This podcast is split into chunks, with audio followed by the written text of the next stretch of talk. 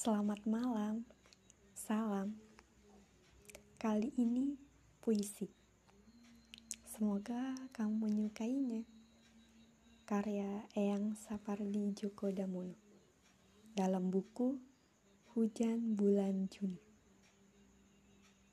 Bagaimana mungkin seseorang memiliki keinginan untuk mengurai kembali benang yang tak terkirakan jumlahnya dalam selembar sapu tangan yang telah ditenunnya sendiri.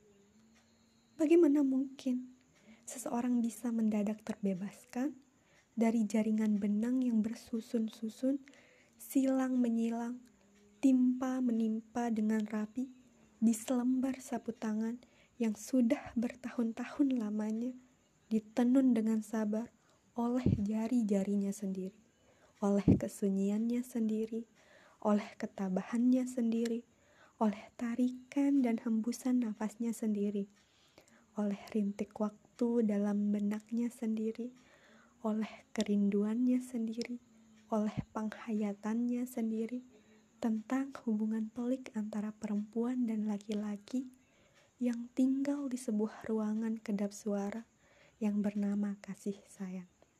Bagaimana mungkin? Terima kasih sudah mendengarkan podcast kali ini.